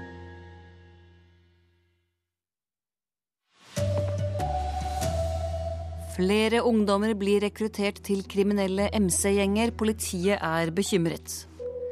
Hellas får endelig slettet gjeld. EU og pengefondet ble enige etter lange forhandlinger i natt. Og fotobokser med ny måling har fått ned farten i ulykkestunnel. Her er NRK Dagsnytt, klokka er 7.30. Stadig flere ungdommer blir rekruttert inn i støttegrupper til kriminelle MC-gjenger. Dette er ungdommer som er dømt for vold, narkotika og trusler fra før, og nå mener Kripos det er grunn til bekymring. Ryggen av en svart skinnvest med den gjenkjennelige dødningeskallen med englevinge dundrer forbi inn til Hells Angels Trondheim sitt 20-årsjubileum i sommer. Blant vaktene på festen er unge gutter i T-skjorte med ryggmerker som viser at de jobber for MC-klubben. Flere av dem med lange rulleblad. En ringerunde NRK har gjort til en rekke politidistrikt, viser at mange bekymrer seg for en ny vekst i ulike supportmiljøer som henger rundt de såkalte 1 %-klubbene. Politiet mener de begår kriminalitet på vegne av klubbene. Mange av de som er eh, interessert i eh, å la seg rekruttere, har eh, en kriminell bakgrunn og finner likesinnede i disse miljøene. Det sier Kjell Kristian Ukkelberg i Hedmark politidistrikt. Det samme mener Leif Vagle i Agder-politiet. Det er en klubb som etablerte seg her i vår sommer i Kristiansand. og De har knytta til seg en del unge kriminelle menn, veldig mange med kriminelt rulleblad. Og Torje Arneson i Vestfold. Nei, Vi er jo veldig lite glad i det, i hvert fall når vi ser hvem de rekrutterer. da. Fungerende avdelingsleder i Kripos, Eivind Borge, ser rekrutteringen stort sett er folk med kriminell bakgrunn. Vi ser at disse støttegrupperingene er tungt kriminelt belastede miljøer med, særlig innenfor eh, vold, vinning og narkotikakriminalitet. Men talsmann for Hells Angels, Rune Olsgaard, mener at deres supportgrupper ikke driver med kriminalitet. Nei, Det er eh, det crewet som vi har, eh, som hjelper oss på arrangement og på dugnader. og Noen av dem har et ønske kanskje om å bli med i klubben etter hvert, og andre har bare lyst til å være en del av den støttegruppa vi har. Reporter var Ellen Borge Christoffersen. Grekerne kan foreløpig puste lettet ut og får krisehjelp før jul. Eurolandene og pengefondet er enige om å redusere Hellas' gjeld med 300 milliarder kroner. EU har holdt tilbake lån til Hellas siden i sommer. Nå blir det penger i statskassa i Hellas, slik at ansatte vil få lønn og de eldre vil få pensjon til jul. Det var en svært fornøyd leder for gruppen av finansministre i eurolandene som i natt kunngjorde at de var kommet til enighet om en redningspakke for Hellas. I'm pleased to announce that today we reached a political agreement on the next disbursement uh, to Greece. Vi er blitt enige om å utbetale 43,7 milliarder euro i økonomisk krisehjelp til Hellas, sa Jean-Claude Juncker. Og det sa reporter Dag Bredvei. Og når såpass mye av Hellas eh, sin gjeld blir slettet, betyr dette at krisen er over, eh, økonomimedarbeider Hedvig Bjørgum? Nei, det kan vi ikke si, men Europa og eurolandene beveger seg bort fra kanten av stupet. Mange har fryktet for totalt sammenbrudd ettersom gjeldskrisen ble verre og løsningene ble færre. Og, men, og med god grunn, fordi landenes gjeld bare har økt og økt etter eh, finanskrisen. Men eh, Hellas' reformforsøk har så langt vakt sterke protester i befolkningen. Nå kommer det flere av samme type, bl.a. en ny skattereform. Det har greske myndigheter lovet i bytte mot denne avtalen. Eh, skattleggingen har jo så langt vært mild i landet, for å si det forsiktig. Men denne avtalen i natt den åpner for bedre refinansiering av gresk gjeld, stemmer ikke det? Ja, og at Det internasjonale pengefondet er med på nattens avtale for Hellas, er også viktig. Pengefondet krevde at EU kuttet i Hellas' gjeld, og det ble jo også utfallet. 13 timer på overtid ble gjelden kuttet nesten 300 milliarder kroner. Eh, Tyskland har så langt ytt motstand også mot dette, og den tyske finansministeren Wolfgang Schauble antyder at nye grep for å få, få ned gjelden kan bli aktuelt på et senere tidspunkt. Men forutsetningen for dette er at greske myndigheter gjennomfører de reformene de har lovet. Takk skal du ha, Hedvig Bjørgum. Levningene etter palestinernes tidligere president Yasir Arafat ble gravd opp i dag, åtte år etter hans død. Oppgravingen er en del av etterforskningen av anklager om at Arafat ble forgiftet. Mistankene om forgiftning oppsto da forskere i Sveits oppdaget høye nivåer av radioaktivt stoff på klærne til Arafat. Nå om et vellykket tiltak for å forebygge trafikkulykker. Gjennomsnittsmåling har fått ned farten med 10% i Tromsøysundtunnelen i Tromsø. Det har vært mange ulykker i tunnelen, og den ble i februar landets første tunnel der fotobokser måler bilistenes fart over en hel strekning. Hvis jeg sjøl holdt 70-80, så kan jeg jeg vil ikke si det doble, men jaggu hadde den farta. Så det var, det var liksom at jeg skvatt med det samme den fløy forbi. Drosjesjåfør Roald Kvande er en av dem som hver dag kjører gjennom Tromsøysundtunnelen i Tromsø. Den var en av landets mest ulykkesutsatte tunneler før gjennomsnittsmåling kom på plass. Det er jo tørt og fint og tofelt i hver retning, og det innbyr jo selvfølgelig til litt fart. Men det har vært en del ulykker også, som er mer enn vi hadde forventa. På kontoret i politihuset i Tromsø sitter politioverbetjent Hans Otto Salamonsen. Foran han ligger papiret som forteller at gjennomsnittsfarta i tunnelen har sunket med 10 etter at gjennomsnittsmålinga ble installert. Eh, jeg tror nok mange er mer opptatt av hva det koster å bli tatt for å kjøre for fort, enn det faktiske risikoen i trafikken. Ja. Så det er jo litt synd det, da, men det tror jeg er et faktum. Lavere hastighet betyr bedre trygghet for sjåførene, mener Salamonsen. Og nå ser resten av landet mot Tromsø og effekten som målingene har hatt i tunnelen. Vi samarbeider med Statens vegvesen, og de eh, høster jo erfaring over hele landet. Siden vi var først i tunnelen, så har de sett mye til oss. Og jeg tror de er kjempegodt fornøyd i Statens vegvesen også med det som har skjedd her. Reporter i Tromsø var Simen Follesø Røiseland. Nordmenns vilje til å kvitte seg med gjeld er stor, det viser forventningsbarometeret for fjerde kvartal. Ikke siden 1998 har nordmenns vilje til å nedbetale gjeld vært så stor. Mat og reise. Det blir å spare til bolig. Jeg er student og lærling, så jeg må tenke litt framover. Til sparing. Til alderdommen. Du ser jo jeg er en gammel mann, ikke sant. Hva skal vi nordmenn bruke pengene på til neste år? Ifølge forventningsbarometeret for fjerde kvartal har vi god økonomi. TNS Gallup og Finansnæringens Fellesorganisasjon måler nordmenns tillit til egen og landets økonomi. Ifølge administrerende direktør Idar Kreutzer har vi det godt. Det går bra i Norge. Vi ser at arbeidsledigheten er lav. Og vi er fornuftige. For selv om vi har stadig bedre økonomi, tar vi ikke av, sier Kreutzer. Vi nedbetaler gjeld i stedet. Det som stiger mest i denne undersøkelsen, det er viljen til å nedbetale lån. Det samsvarer godt med de rådene som vi fra finansnæringen har gitt. Reportere her Ellen Omland og Astrid Helen Holm. Flere måneder med budsjettarbeid på Stortinget fører bare til at småpenger blir flyttet på. Det sier Kjetil Solvik-Olsen i Fremskrittspartiet. Han mener at regjeringens budsjettbehandling er et demokratisk problem. I dag behandles forslaget til statsbudsjett i Stortinget, og bare 30 millioner går til andre ting enn det regjeringen foreslo vi blir et ekspedisjonskontor for regjeringen. Det blir dermed mindre interessant for folk å komme på Stortingets debatter, mindre interessant for folk å komme på Stortingets høringer, for de ser at det betyr jo ikke lenger noe for utfallet av saksbehandlingen. Det er regjeringen som har bestemt ting når det forlater regjeringen, og Stortinget har altså ingen, ingen rom for å endre noe. Du kan høre mer om saken i Politisk kvarter på P2 klokka kvart på åtte. I Skien er 84-åringen som var savnet siden i går kveld funnet i god behold. Han ble funnet i sentrum. Politi og frivillige har lett etter mannen i hele natt. Og han ble meldt savnet da familien ikke fant ham hjemme på Gjerpen. Ålesund-spilleren Jonathan Tollås er ikke overrasket over at Kjetil Rekdal får sparken. Rekdal måtte i går kveld slutte som trener i Ålesunds fotballklubb. Tollås sier han syns det er synd. Nei, det var, uh, var trist å høre. Men uh, det kom på ingen måte som et stort sjokk på meg etter den turbulente tida i det siste. Rekdal har ledet Ålesund siden 2008 og har ledet klubben til to cupgull. Det har lenge vært en åpen konflikt mellom treneren og ledelsen, og Rekdal har tidligere uttalt at han har følt seg overkjørt. Han har også ment at klubbledelsen ikke har lagt til rette for de sportslige ambisjonene klubben har hatt. Tollås synes det er trist at Rekdals tid i Ålesund skulle ende slik. Klart at jeg har hatt han som uh, hovedtrener i vel fjerde sesongen nå. Og, og, du blir kjent med personer, og du, du knytter bånd til dem. uten at jeg har knytta noe sånn mer enn noen andre, så er det selvfølgelig trist at uh, vi mista hovedtreneren. Men Solbergklubben og styret har fatta en avgjørelse som gagner OFK som klubb. Det sa Jonathan Tollås som spiller for Ålesund. Reporter var Hilde Liengen. Ansvarlig for denne sendingen har vært Bjørn Christian Jacobsen, teknisk ansvarlig Frode Thorshaug og i studio Anne Skårseth.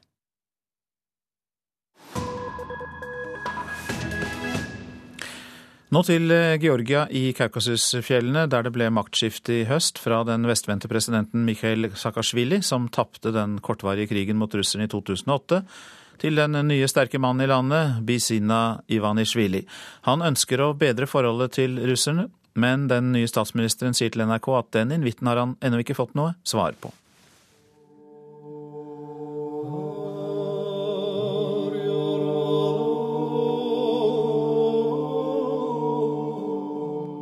Det er den berømte trioen Georgi som synger sin hyllest til georgisk natur, kultur og folk.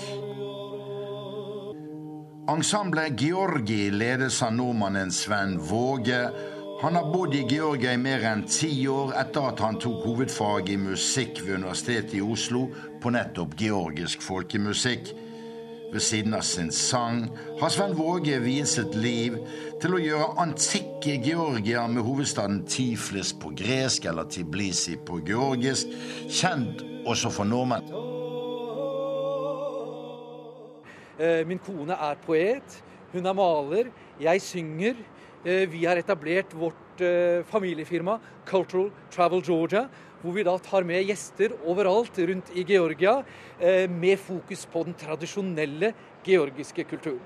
Er det en sammenheng mellom folkesjel og dramatisk natur? Jeg tror det. Og jeg syns jeg ser det her i Georgia. På samme måte som det er ekstremt fascinerende hvordan, hvordan naturen endrer seg over korte avstander.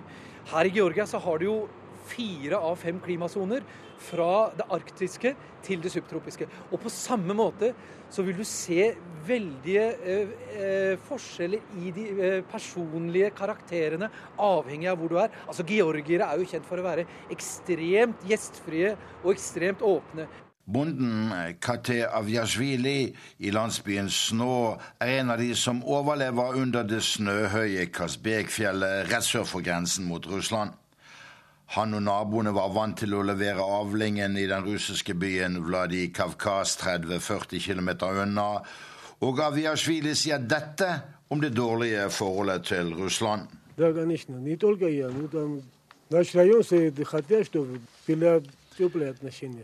Ikke bare jeg, men hele herredet her er for at forholdene med russerne skulle bli varmere nå. Vladikavkaz inne i Russland er ikke bare vår nærmeste by, men også vår nærmeste nabo sier den georgiske bonden Kate Avjasjvili.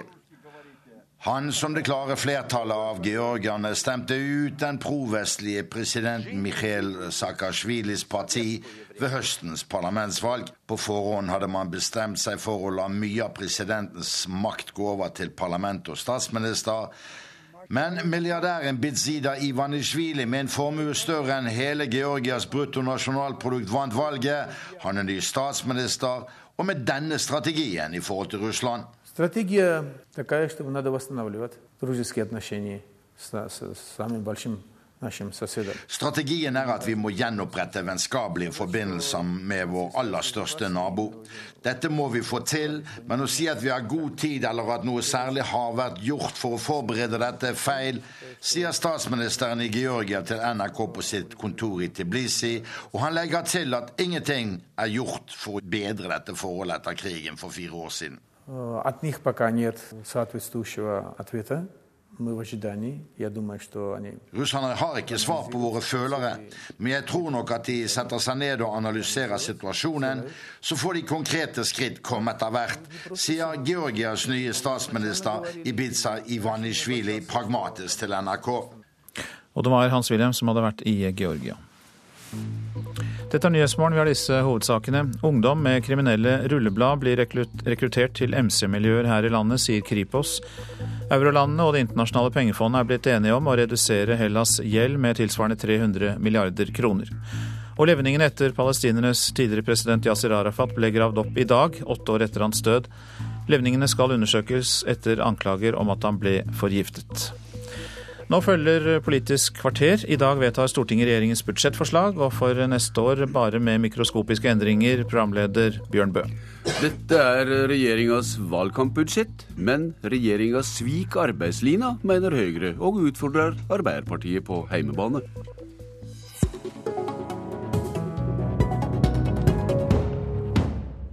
De politiske partiene ruster seg til valgkamp for neste år, også gjennom statsbudsjettet.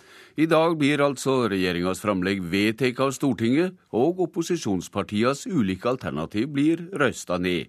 Og det skulle vel for så vidt bare mangle med ei flertallsregjering. Men hvorfor er du da, arbeidsminister Anniken Huitfeldt, så oppøst over at Høyre i sitt budsjettframlegg skriver at partiet vil ha normerte sykemeldinger for å få ned sykefraværet?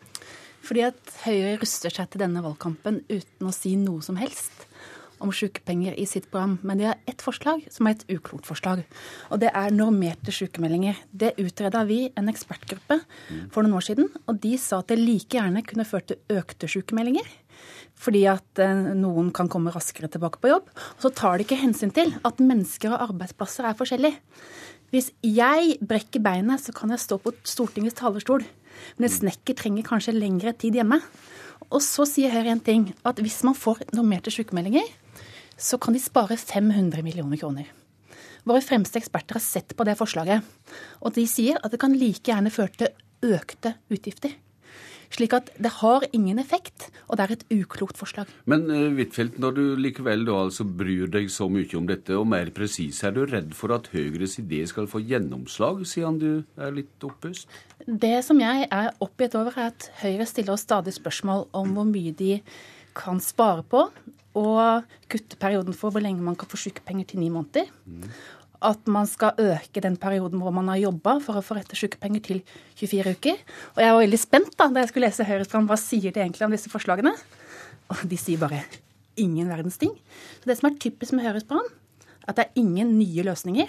At de er uklare på veldig mange punkter, og at de gjentar en del gamle forslag, som normerte sykepenger, sånn gjeninnføring av kontantstøtte for toåringer, og som mer midlertidige ansettelser. Hmm.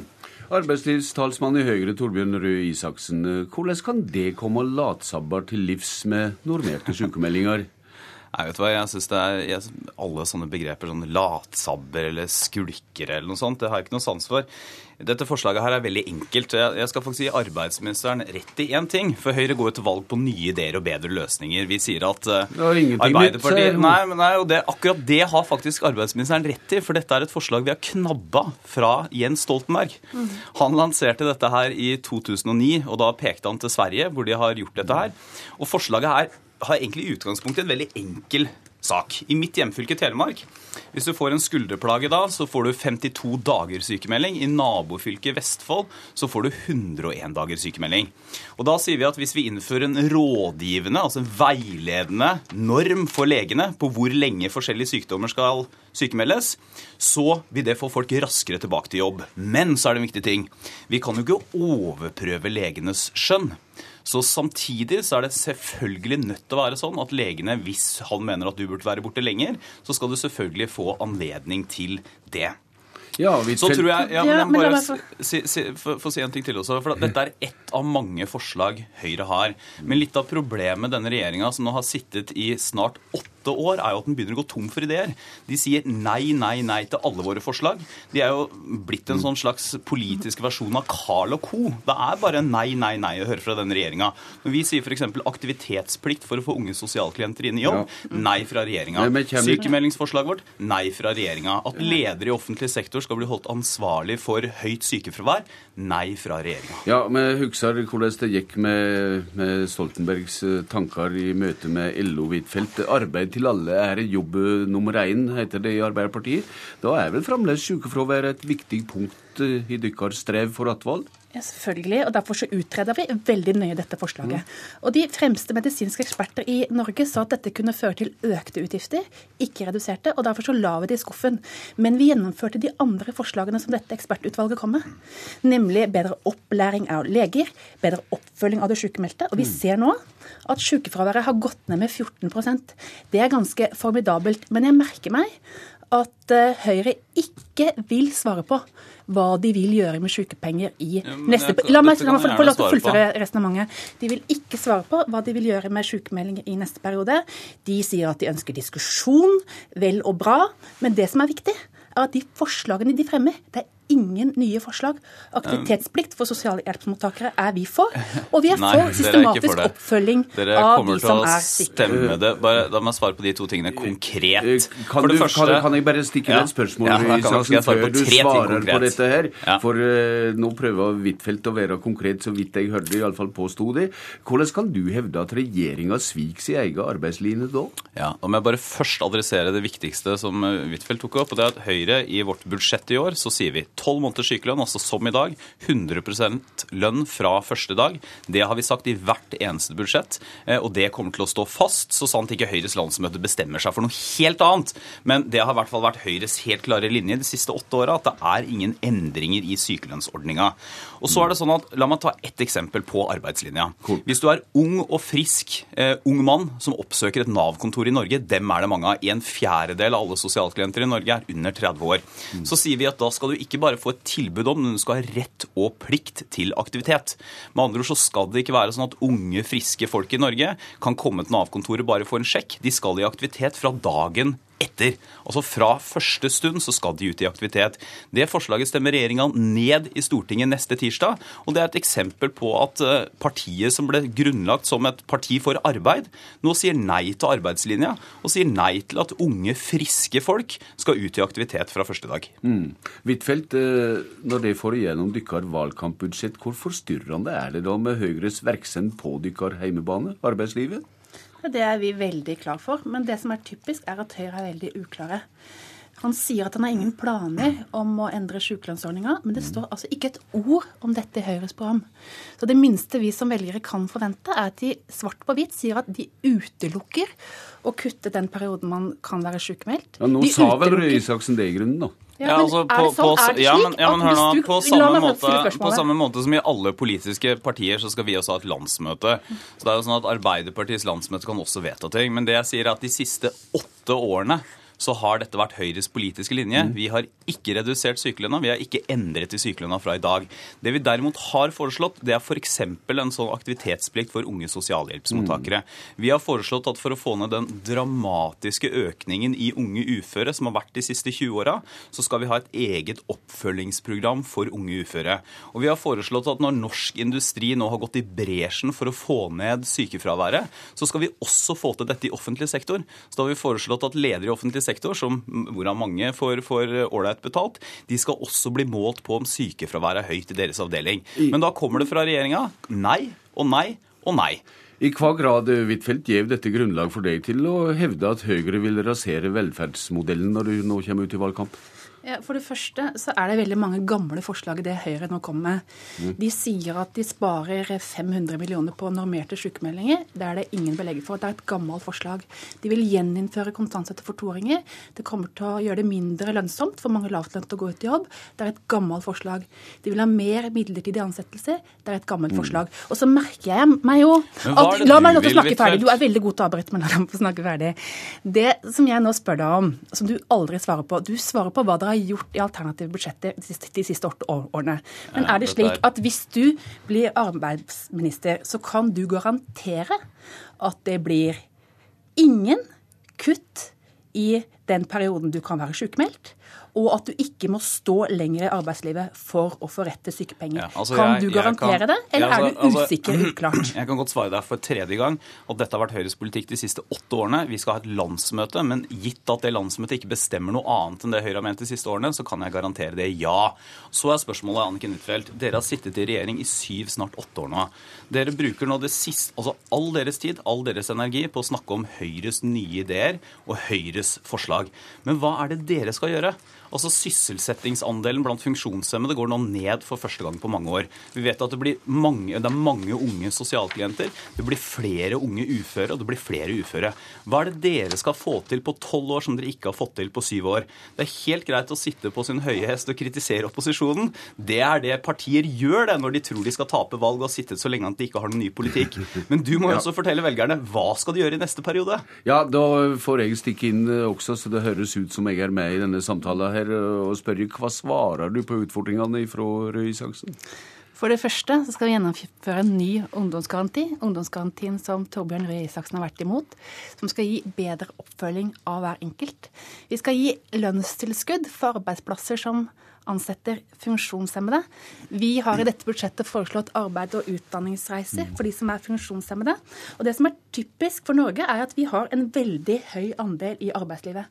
Og så får vi også sykefraværet ned, takket være den det systematiske arbeidet vi har gjort i samarbeid med partene i arbeidslivet. Og så har jo Høyre et konkret mm. forslag, og det er mer midlertidige ansettelser. Ja. Og de sier at det skal få ja, men La meg få snakke ferdig. Det sier han skal få flere jobb, men de funksjonshemmedes organisasjoner er veldig mot dette forslaget. Slik at jeg mener at det kommer til å føre til mer utrygghet for folk som er funksjonshemmede, og ikke mindre. Det skal holde fram med dette her i Stortinget i dag, eh, og jeg ser takk så langt, men det blir værende for meg skal høre at budsjetthandsaminga i Stortinget Stortinget er et demokratisk problem. Det mener i alle fall finanstalsmann i Fremskrittspartiet Ketil Solvik-Olsen. Den grundige stortingshandsaminga er nærmest bortkasta, klager han. Eh, ærede president. Vi legger fram statsbudsjettet for 2013 i krevende tider. Det har gått snart to måneder siden finansminister Sigbjørn Johnsen la fram regjeringens forslag til statsbudsjett 2013. Siden har det vært debatter og høringer i Stortingets ulike komiteer, der bl.a. en rekke interessegrupper har forsøkt å få regjeringen til å endre sine prioriteringer. Resultat av et budsjett på 1065 milliarder kroner er 30 millioner flyttet på så langt. Så lite betyr altså Stortinget, mener Ketil Solvik-Olsen i Fremskrittspartiet. Man flytter på 0,002 da har ikke Stortinget en veldig sentral rolle i norsk politikk og norsk statsbudsjettdebatt, egentlig. For selv om Solvik-Olsen aksepterer at en flertallsregjering gjerne får flertall for sine forslag, mener han at mangelen på fleksibilitet i budsjettbehandlingen er et demokratisk problem. Vi blir et ekspedisjonskontor for regjeringen. Det blir dermed mindre interessant for folk å komme på Stortingets debatter, mindre interessant for folk å komme på Stortingets høringer, for de ser at det betyr jo ikke lenger noe for utfallet av saksbehandlingen. Men den kritikken vil ikke leder av finanskomiteen, Arbeiderpartiets Torgeir Micaelsen, være med på. Hva skal Vi si, vi har flertall i Stortinget, eh, har arbeidet lenge med det og nettopp gjort veldig mange av de vanskelige avveiningene i f.eks. bruken av oljepenger. Eh, så syns jeg ikke det er et, eh, ja, et urimelig krav at man da også kunne si at vel, dette er vårt forslag, vi har gjort noen justeringer, lytta, og så får vi komme tilbake til en del av ønskene neste år. Micaelsen peker dessuten på at de gruppene som ikke fikk gjennomslag akkurat under de siste ukers møter i Stortinget, ikke nødvendigvis har kastet bort tiden. Fordi det er en rekke eksempler på at folk har fått gjennomslag, enten direkte, altså i forbindelse med budsjettbehandlingen i Stortinget, eller i revidert et halvt år senere, eller at det kommer tilbake til forslaget året etter. Heller ikke SVs finanspolitiske talsmann Geir Ketil Hansen mener demokratiet lider noen stor nød, og viser til at det fortsatt er rom for endringer selv etter dagens stortingsbehandling. Det endres på budsjettet i finanskomiteen, og ikke minst det endres også på budsjettene i de ulike fagkomiteene. Der er det varierende. Eh, spesielt samferdselskomiteen er det muligheter, der flyttes det på, på større pengebeløp. Sånn at det er ikke så svart-hvitt som eh, Solvik-Olsen vil ha det til. Solvik-Olsen får altså ikke mye gehør hos regjeringspartiene for ønsket om et mer fleksibelt budsjettforslag, men han går til gjengjeld langt i å love at ting blir annerledes dersom han kommer i regjering etter valget neste år. Vi har opplevd hvordan det å sitte i opposisjon til dagens regjering og sett hvordan eh, Stortinget har blitt stadig mer marginalisert. Og Hvis vi ikke har lært av det at vi må gjøre ting annerledes enn de rød-grønne, da har ikke vi lært mye i hele tatt. Men den lærekraften, den har vi faktisk. Ketil Solvik-Olsen til reporter Halvard Norum. Det blir altså helt annerledes med ei anna regjering, sier Solvik-Olsen. Kan du stadfeste det, fremdeles stortingsrepresentant for Høyre Torbjørn Røe Isaksen? Ja, jeg tror i hvert fall det er sånn at hele Stortinget nå skulle ønske at vi kunne bestemme litt mer, selv om man har flertallsregjering. La meg bare ta et eksempel. Regjeringa har nå lagt fram et kutt på 40 millioner til PC-er til barn med lese- og skrivevansker. Det tror jeg veldig mange også i de rød-grønne partiene er enig i at det er et kutt vi burde reversere, men det får vi ikke gjort, dessverre. Men det vil gjerne styre hvis det får flertall, det er også på dykkergrunnlag, ikke sant? Ja, men det at Stortinget av og til kan gå sammen for også tverrpolitisk for å reversere usosiale kutt, det tror jeg f.eks en ting man kunne tenkt seg. Arbeidsminister Anniken Huitfeldt, hvor demokratisk mener du dykkar mye omtalt flertallsarroganse er? Eh, opposisjonspartiene har nok liten innflytelse, men slik er det uansett. Men det er klart at når vi lager budsjett, enten jeg har laget kulturbudsjett eller vi lager budsjett for Arbeidsdepartementet, så har vi lange samtaler med stortingspartiene på forhånd. Så når vi lanserer en ny ungdomsgaranti, så har det vært, Stortinget vært aktivt med på det. Når vi gir lønnstilskudd for funksjonshemmede, så har det vært en lang prosess i bl.a. Stortinget. Så jeg vil aldri gi det rådet til en interessegruppe om å droppe Stortinget. De har veldig stor innflytelse. Vi får se, det er valg til neste år, men alt i dag blir statsbudsjettet klubba igjennom i Stortinget. Ute i kveldinga Politisk kvarter er slutt. Jeg heter Bjørn Bø.